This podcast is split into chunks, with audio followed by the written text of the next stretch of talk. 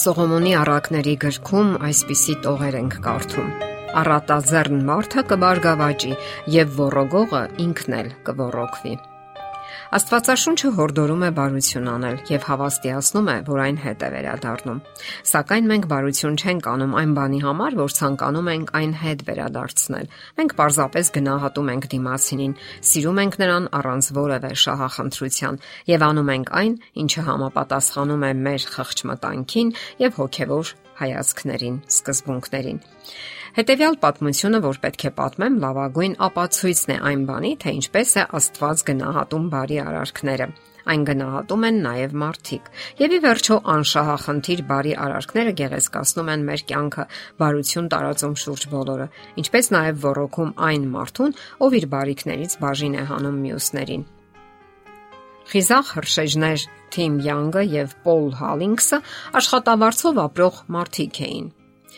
Մի օր նրանք հարկադրված էին ամբողջ 12 ժամ մարտնչել հրդեհի դեմ եւ մարել այն։ Դրանից հետո նրանք հոգնած եւ ուժասպառ մտան մոտակա սրճարանը, որպիսի ամրապնդվեն լարված աշխատանքից հետո։ Այդ օրը սրճարանում աշխատում էր մատուցողուհի Լիզ Վուդվորդը, ով պատահաբար լսեց հրշեջների խոսակցությունը, թե որքան հոգնած են եւ որքան ծանր ու վտանգավոր էր այդ օրվա աշխատանքը։ Երբ հրշեջները ճաշեցին ու մտեցան վճարելու, նրանց անակնկալ էր սպասվում։ Վճարելու թերթիկի վրա գրված էր. Շնորհակալություն։ Այսօր ես եմ վճարում ձեր ճաշի գումարը։ Շնորհակալություն այն բոլոր բաների համար, որ դուք անում եք, որ ծառայում եք մարդկանց։ Շնորհակալություն այն բանի համար, որ դուք ձգտում եք վազել այնտեղ, որտեղից բոլորը փախչում են։ Կարևոր չէ թե ինչ դրթապաճառներով եք դա անում։ Դուք քաջ եք, անվախ եւ ուժեղ։ Շնորհակալություն, որ դուք քաջ եք եւ անվախ եք ամեն օր։ Ջերմանալով կրակից եւ համարցակորեն առաջ նետվելով դուք օրինակ եք ծառայում մյուսների համար։ Հանգստացեք։ Լիզ Կարդալով այս տողերը հրշեջների աչքերը արցունքակալվեցին։ Նրանք ջերմորեն շնորհակալություն հայտնեցին մատուցողուհուն այդ բարի արարքի համար, իսկ նրանցից մեկը Facebook-ում գրեց. Ինչպիսի բարի եւ անշահախնդիր արարք։ Ես կոչ եմ անում իմ բոլոր ընկերներին սատարել այս սրճարանը։ Եթե ձեր մատուցողուհին լինի Լիզը, ավելի շատ թեյանվերներ տվեք նրան։ Սակայն պատմությունը սրանով չավարտվեց։ Հրշեջներն իմացան, որ աղջկա հայրն արդեն 5 տարի է ինչ անդամալույս գամված է հաշմանդամի սայլակին։ Իսկ Լիզա ստեղծել էր բարեգործական էջ, որտեղ խնդրում էր գումարներ զոհաբերել հատուկ մեքենա գնելու համար, որը նախատեսված էր սահմանափակ հնարավորություններով մարդկանց համար։ Այդ ճանապարհով հնարավոր էր հաշմանդամ հորը տանել տարբեր տեղեր, եւ հրշեջ երիտասարդները կոչ արեցին բոլորին սատարել այդ նախաձեռնությունը։ Իսկ արդյունքում տեղի ունեցավ անհավատալի մի բան։ Հավաքվեց ոչ միայն անհրաժեշտ գումարը, այլև շատ ավելին։ Անհրաժեշտ էր 17000 դոլար, սակայն իրականում հավաքվեց 70000 դոլար։ Լիզը եւ նրա ընտանիքը խորապես ցնցված էին եւ շնորհակալ։ Ահա թե ինչ ասաց Լիզն այդ մասին։ Ես պարզապես վճարեցի նրանց փոխարեն եւ ժպիտից բացի այլ բան չէի սպասում եւ ստացվեց, որ հարկավոր է պարզապես բարի լինել միմյանց հանդեպ, եւ այդ ժամանակ ամենափոքրիկ քայլն անգամ ընդունակ է փոխել քո կյանքը։ Հրաշալի պատմություն, ուսանելի բոլորիս համար։ Այսօր աշխարհը բարի գործերի կարիք ունի։ Այսօր երբ հարուստներն ավելի են ավելացնում իրենց հարստությունը, իսկ աղքատները հայտնվում են ավելի ծանր պայմաններում։